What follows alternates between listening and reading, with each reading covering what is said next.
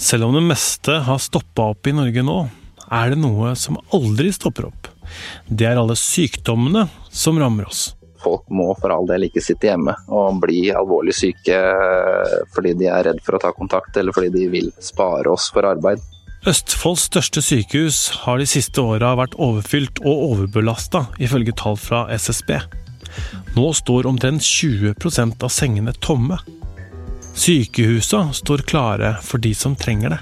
Hva er det som har gått galt? Jeg heter Tor Erling Tømt Ruud, og dette er Verdensgang.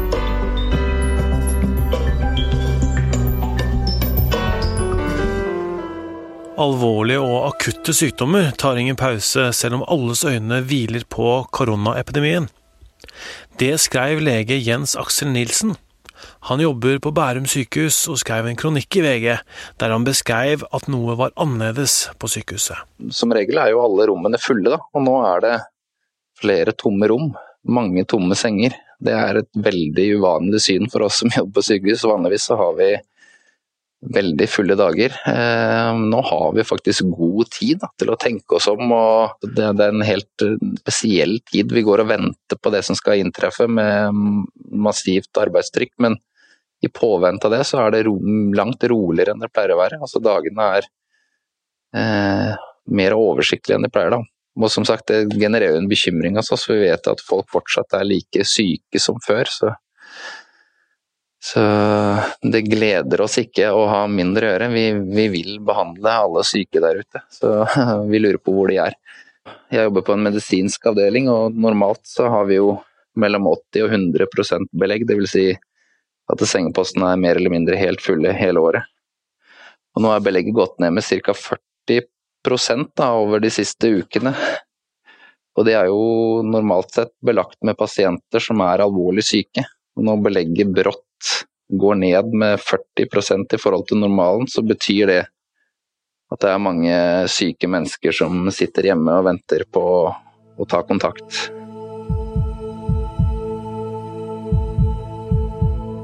Jens Aksel beskrev altså situasjonen der sykehus nå opplever at de har tomme senger og ledig kapasitet til å ta imot pasienter som ikke er koronasyke.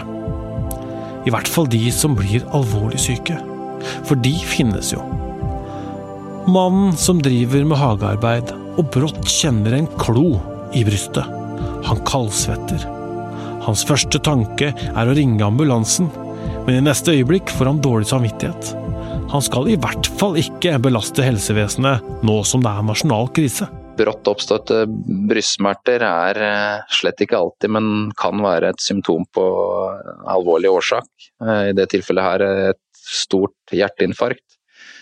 Og det som er så utrolig viktig med sånne symptomer, og særlig hvis det er en alvorlig årsak, som man aldri kan vite eh, når man er hjemme om det er en alvorlig årsak eller ikke, det må man inn på sykehuset og til fastlegen for å undersøke nærmere. Men hvis det er et hjerteinfarkt da, som ligger bak disse brystsmertene, så er den akutte behandlingen så god nå at svært mange blir helt friske tross at de har eh, et stort hjerteinfarkt i jevning. Da. Derimot hvis man venter for lenge med å ta kontakt, så vil skaden manifestere seg, og man blir ikke frisk igjen etterpå. Da vil hjertemuskelen få uopprettelig skade. Og da har man lagt grunnlaget for et liv med store senskader.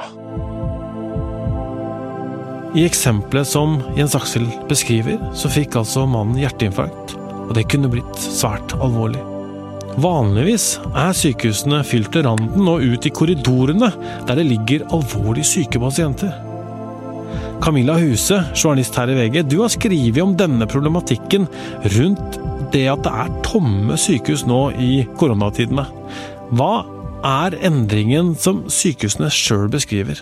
Sykehusene beskriver en uvant og litt ny situasjon, fordi samtidig som de jobber med Eh, eller jobber ganske intensivt med å bygge opp vanlige avdelinger til avdelinger hvor man skal kunne behandle koronapasienter, så går såkalt annen aktivitet, eller vanlig aktivitet på sykehusene ned. Så en del oppsatte avtaler eh, som kalles elektiv behandling, det avlyser sykehusene selv. Eh, dette er da behandling som ikke er livsviktig å få gjennomført akkurat nå, og som kan ofte vente. Da. Eh, samtidig så ser jo sykehusene at en del pasienter avlyser sine egne avtaler.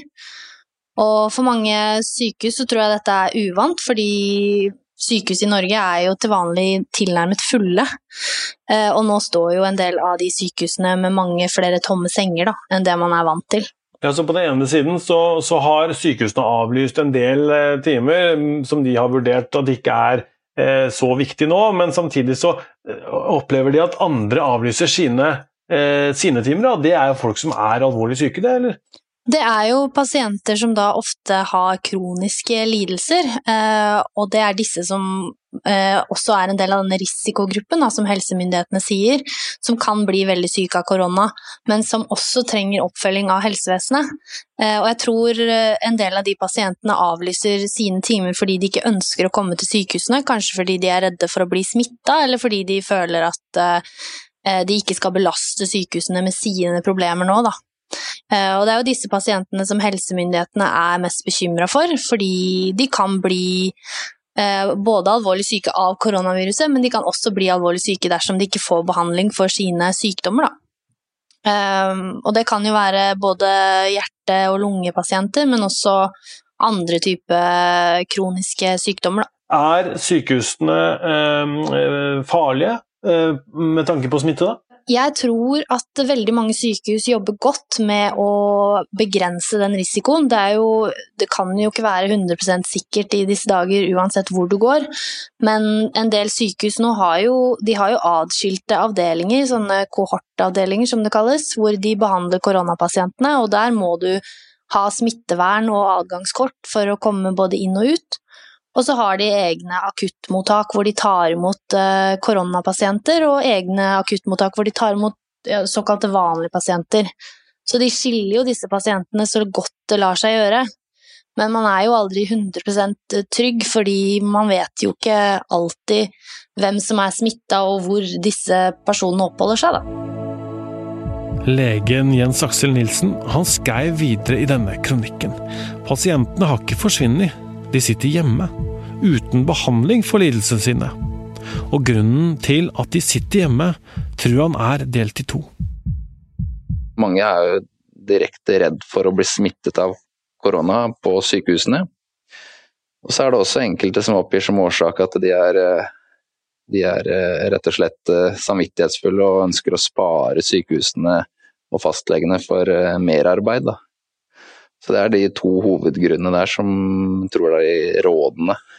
Har man akutt, uh, akutt inntreffende symptomer eller eventuelt alvorlige symptomer som bygger seg opp over tid, så skal man fortsette å ta kontakt med helsevesenet slik man ville gjort uh, for en måned siden. Det er ingen grunn til å oppføre seg annerledes ved akutt, eller akutt sykdom eller påtrengende symptomer. Pasientene vil ikke bry helsevesenet. Det kan være en del av den dugnaden som vi da alle er med på, men for de alvorlig syke så er det viktig å komme seg til sykehus. Og Nilsen mener at det er veldig liten sjanse for å bli smitta når du først kommer deg til sykehuset. Nå kan ikke jeg snakke for alle landets sykehus, da, men i hvert fall hos oss så har vi dedikerte poster for alle med mistenkt eh, koronavirusinfeksjon.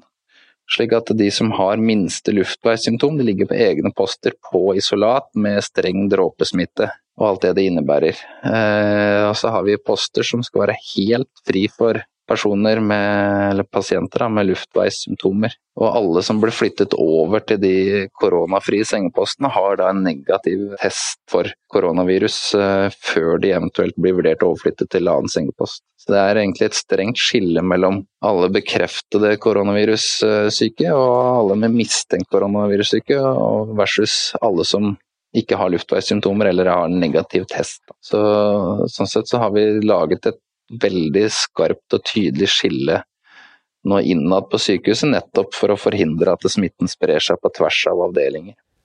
Camilla, du har snakka med pasient- og brukerombudet i Oslo om dette her òg. De deler bekymringen. Hva sier de der? Ja, Pasient- og brukerombudet de får jo inn henvendelser eh, fra pasienter og pårørende. Eh, det er jo den jobben de har, og også i disse dager så kommer det jo inn sånne bekymringsmeldinger til dem.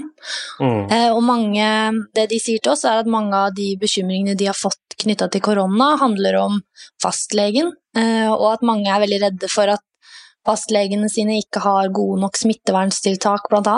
Eh, du har jo da eh, skrevet om Kalnes, altså sykehuset i Østfold. Eh, hva er, de, hva er, det de, opplever der? Hvordan beskriver de hvordan det ser ut der? Sykehuset Østfold er, som ble åpna på nytt, altså det nye bygget sto ferdig i 2015. Og det har jo vært en del saker i media de siste årene om at det sykehuset er bygd for lite, og veldig ofte har helt overfylte avdelinger, og at til og med pasienter må behandles på korridor. Eh, og det eh, sykehusdirektør Hege Gjessing sier til oss nå, er at eh, det er veldig uvant for dem at 20% av sengene i dag står tomme, fordi de er vant til å ha såpass høyt belegg på sykehuset hele tiden.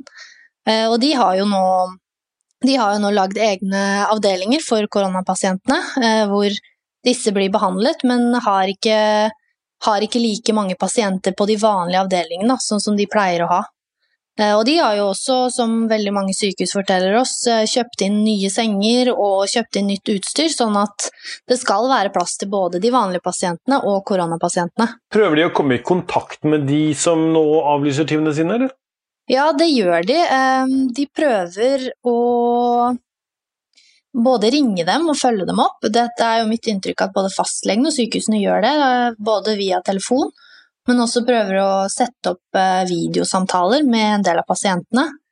Eh, men så er det jo ingen plikt da, for pasienten til å svare når sykehuset ringer, eh, så det er jo ikke alle man får kontakt med. Og så er det jo ikke sånn at alle heller forstår hvordan man skal koble seg opp f.eks. til et videomøte da, med legen sin.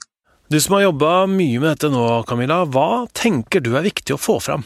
Jeg tror det er viktig at både mediene og kanskje også myndighetene og legene er åpne om det her da, og belyser disse tingene, og kanskje er litt mer varsomme med å, med å si at uh, pasienter som ikke har korona, ikke skal ta kontakt med helsevesenet, fordi det sykehusene uh, sier, er jo at de føler seg godt rigget for det som kommer. De føler seg godt rigget for å ta imot både vanlige pasienter og koronapasienter, og det er det er jo ikke i sykehusets ønske eh, at pasienter skal sitte hjemme nå og bli dårligere, som da vil kreve ganske mye av helsepersonell også etter koronakrisen, da. Dersom veldig mange nå ikke følger opp sine sykdommer fordi de er redde for å ta kontakt med sykehusene. Eh, takk for at du var med i podkasten, Camilla. Bare hyggelig. Oppfordringen er altså ikke nøl med å ringe ambulansen hvis du blir veldig sjuk, har en alvorlig sykdom fra før, eller opplever noe akutt farlig. Det er plass på sykehusene, og legene vil ha mer å gjøre. Allerede er det triste eksempler på folk som har av forskjellige årsaker da ventet med å ta kontakt, og som får store senskader som de må slite med resten av livet. Om bare nå få uker ut i epidemien så ser vi allerede en del sånne eksempler. og vi vil veldig gjerne at alle som blir råka av alvorlig sykdom, får den hjelpen de, de, skal ha. Men vi er helt avhengig av at folk tar kontakt for at vi skal kunne fange opp alle de som råker ut for alvorlig sykdom. Så det er langt større risiko ved å sitte hjemme med alvorlig sykdom eh, enn det å ta kontakt med sykehuset.